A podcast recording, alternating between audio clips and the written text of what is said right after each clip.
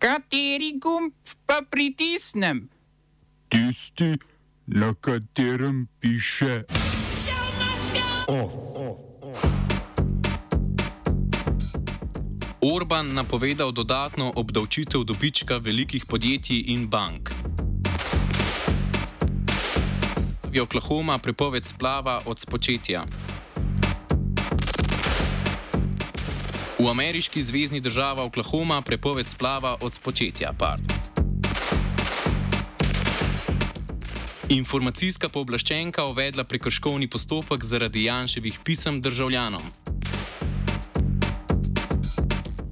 Golop izvoljen za mandatarja za sestavo vlade in je že uložil listo ministerskih kandidatov. Kulturnih novicah pa čas za premislek o izgorelosti v nevladnih organizacijah.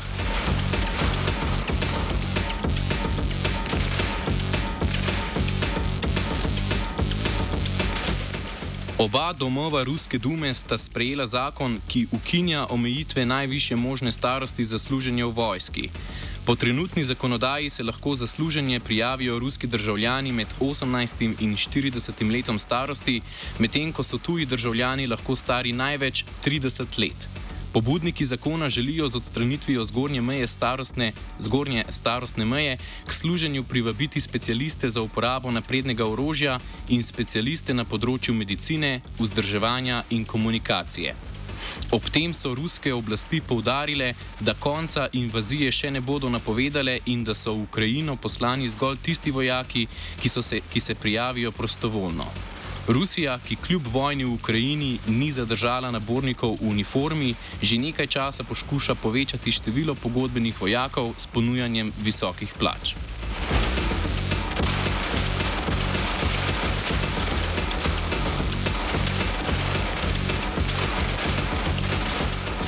Mačarski predsednik Viktor Orban je s posnetkom, ki ga je objavil na svojem Facebook profilu, sporočil, da namerava vlada uvesti poseben davek na dobiček nekaterih velikih podjetij in bank. Obdavčena bodo podjetja s presežnim dobičkom, kot so velike trgovske verige, zavarovalnice, letalski prevozniki in energetska ter telekomunikacijska podjetja. Za zdaj še nobeno podjetje ni bilo posebej imenovano. Napovedani ukrep bo v veljavi letos in prihodnje leto, zbrana sredstva pa se bodo razdelila v dva sklada. Eden bo namenjen financiranju in krepitvi vojske, z drugim pa namerava vlada pomagati gospodinstvom, ki so v stiski zaradi naraščajočih cen energije. Takšen davek na banke ter maloprodajna in energijska podjetja je Orban uvedel že leta 2010, s čimer mu je uspelo zmanjšati takratni proračunski primankljaj. Tokrat so razlog za ukrep naraščajoče cene, ki so posledica vojne v Ukrajini. Vlada je zaradi vojne včeraj razglasila izredne razmere, ki pa pomenijo zgolj nadaljevanje izrednega stanja, saj je to razglašeno že dve leti zaradi epidemije koronavirusne bolezni.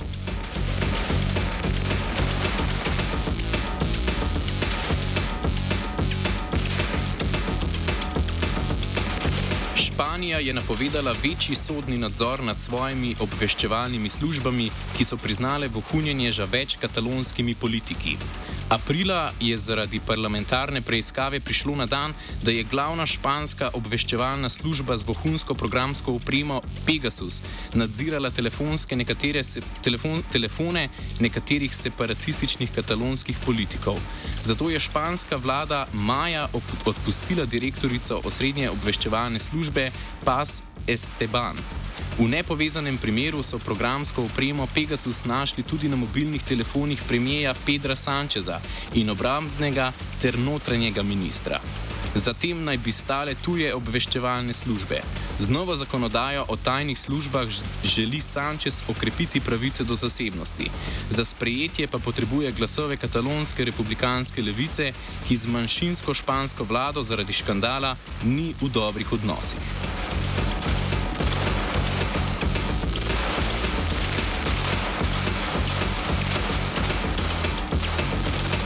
Združenih državah Amerike se nadaljuje val zakonov, ki omejujejo pravico do splava.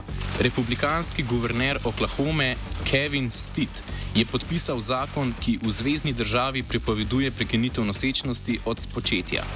Oklahoma je postala prva država, v kateri je splav z nekaj zelo redkimi izjemami tako rekoč popolnoma prepovedan.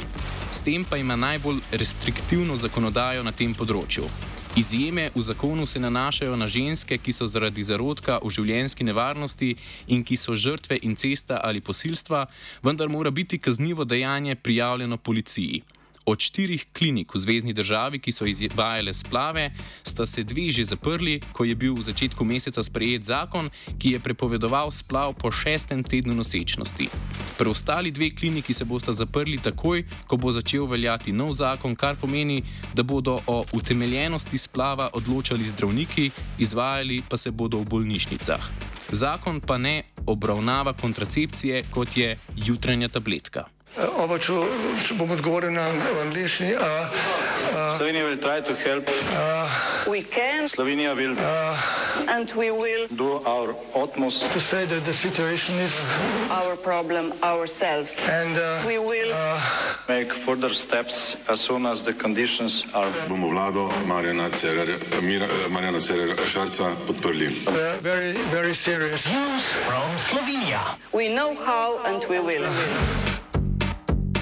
Informacijska pooblaščenka je uvedla prekrškovni postopek zaradi nepravilnosti pri decembrskem pošiljanju pisem Janeza Janše, v katerih je kot predsednik vlade večino državljanov pozval k cepljenju proti novem koronavirusu. Inšpekcijski postopek je bil sprožen po 153 prijavah zaradi suma nezakonite obdelave podatkov. NIJZ je za, je za pošiljanje pisem uporabil podatke polnoletnih uporabnikov zdravstvenih storitev iz centralnega registra podatkov o pacijentih, zato pa so imeli ustrezno pravno podlago.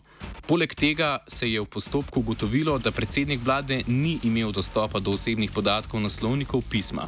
Do nepravilnosti pa je prišlo pri prenosu datotek, pojasni Mojca Prelesnik, informacijska pooblaščenka. Najprej ni bilo ustrezno poskrbljeno za varnost zato, ker je pogodbeni obdelovalec NIAZ-ja te osebne podatke, ki jih je pridobil iz registra, odložil v spletno odložišče WeTransfer in celo uporabil brezplačno verzijo, ki praktično ne omogoča nobene sledljivosti dostopov do osebnih podatkov.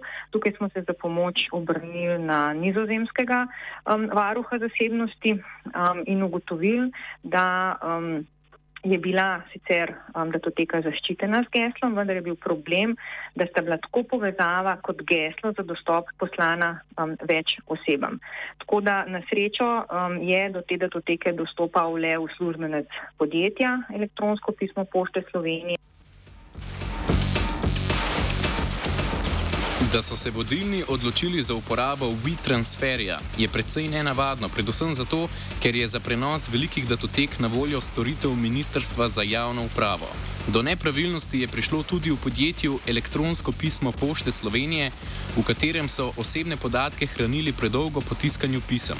Za državljane je bilo najbolj problematično dejstvo, da jih niso obvestili o obdelavi njihovih podatkov. Glede neprimernosti tega se strinja tudi prelesnik.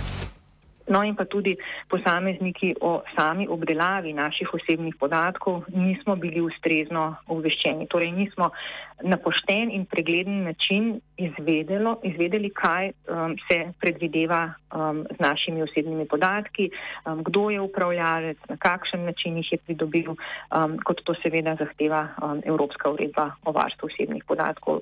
Um, zdaj pokazalo se je, da je pravzaprav prav to neinformiranje prejemnikov pisma o obdelavi njihovih osebnih podatkov v resnici um, bom rekla, kar upravičeno um, postavilo dvom uh, v samo zakonitost obdelave.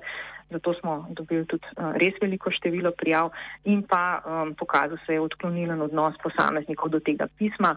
Um, Mrsi, um, bistveno manj hude krvi bi seveda bilo, če bi bili posamezniki na ustrezen način um, obveščeni o obdelavah naših osebnih podatkov.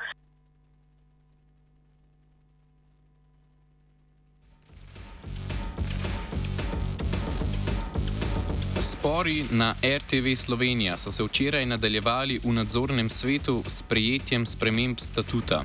Spremembe statuta Radio Televizije Slovenija določajo, da se televizijski informativni program razdeli na dve uredniško-producentski enoti, na uredništvo prvega in drugega programa. Poleg tega pa se uvaja uredniško-producentska enota MMC ki jo vodi in usklajuje odgovorni urednik. Tega bo imenoval in razreševal generalni direktor na predlog direktorjev Radia in Televizije Slovenija. Za spremembo statuta je glasovalo 9 od 11 nadzornikov, kar je zadostilo zahtevi po dvotretjinskem soglasju. Novinarski sindikati spremembam nasprotujejo. Kritični so predvsem do delitve informativnega programa na dve enoti, kar bo po njihovem mnenju spodbudilo kršitve uredniške avtonomije in poklicnih standardov.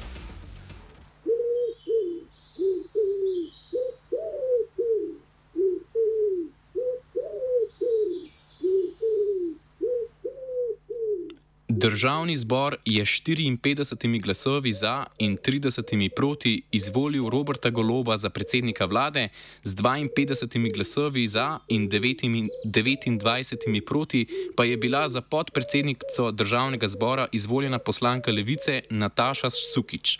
Golob je v državni zbor že vložil listo ministerskih kandidatov, ki temelji na aktualnem zakonu o vladi in obstoječem razrezu ministrstv. Nova vlada načrtuje 19 ministrstv ministrstv in eno brez resorja, od teh bodo, bodo štiri ministrstva nova. Načrte prišlekov je prekrižala SDS s predlogom za posvetovalni referendum o predlogu sprememb zakona o vladi, zato bodo svoj mandat začeli z obstoječim razrezom. V vloženi listi je ministerski kandidat za delo Luke Mesca, ki bo kasneje prevzel novo ministrstvo za solidarno prihodnost. Ministr za delo, družino, socialne zadeve in enake možnosti bi tako postal njegov strankarski kolega Simon Maljevac. Sprememba, spremembe se bodo zgodile tudi na ministrstvu za izobraževanje, znanost in šport. Trenutno je za kandidata predlagan Igor Papič, za katerega je rezervirano še neustanovljeno Ministrstvo za visokošolstvo, znanost in inovacije. Ministrstvo za izobraževanje bo po zamenjavi prevzela Amalija Žakl. Poleg Ministrstva za okolje in prostor bo vlada imela še Ministrstvo za podnebje in energijo, ki ga bo vodil Bojan Kumr. Edino ministrstvo brez resorja bo Ministrstvo za slovence po svetu, služba vlade za digitalno preobrazbo, ki je zdaj še brez resorja, pa se bo preoblikovala v ministrstvo. Redakcija za kulturo. OF je pripravila Aida.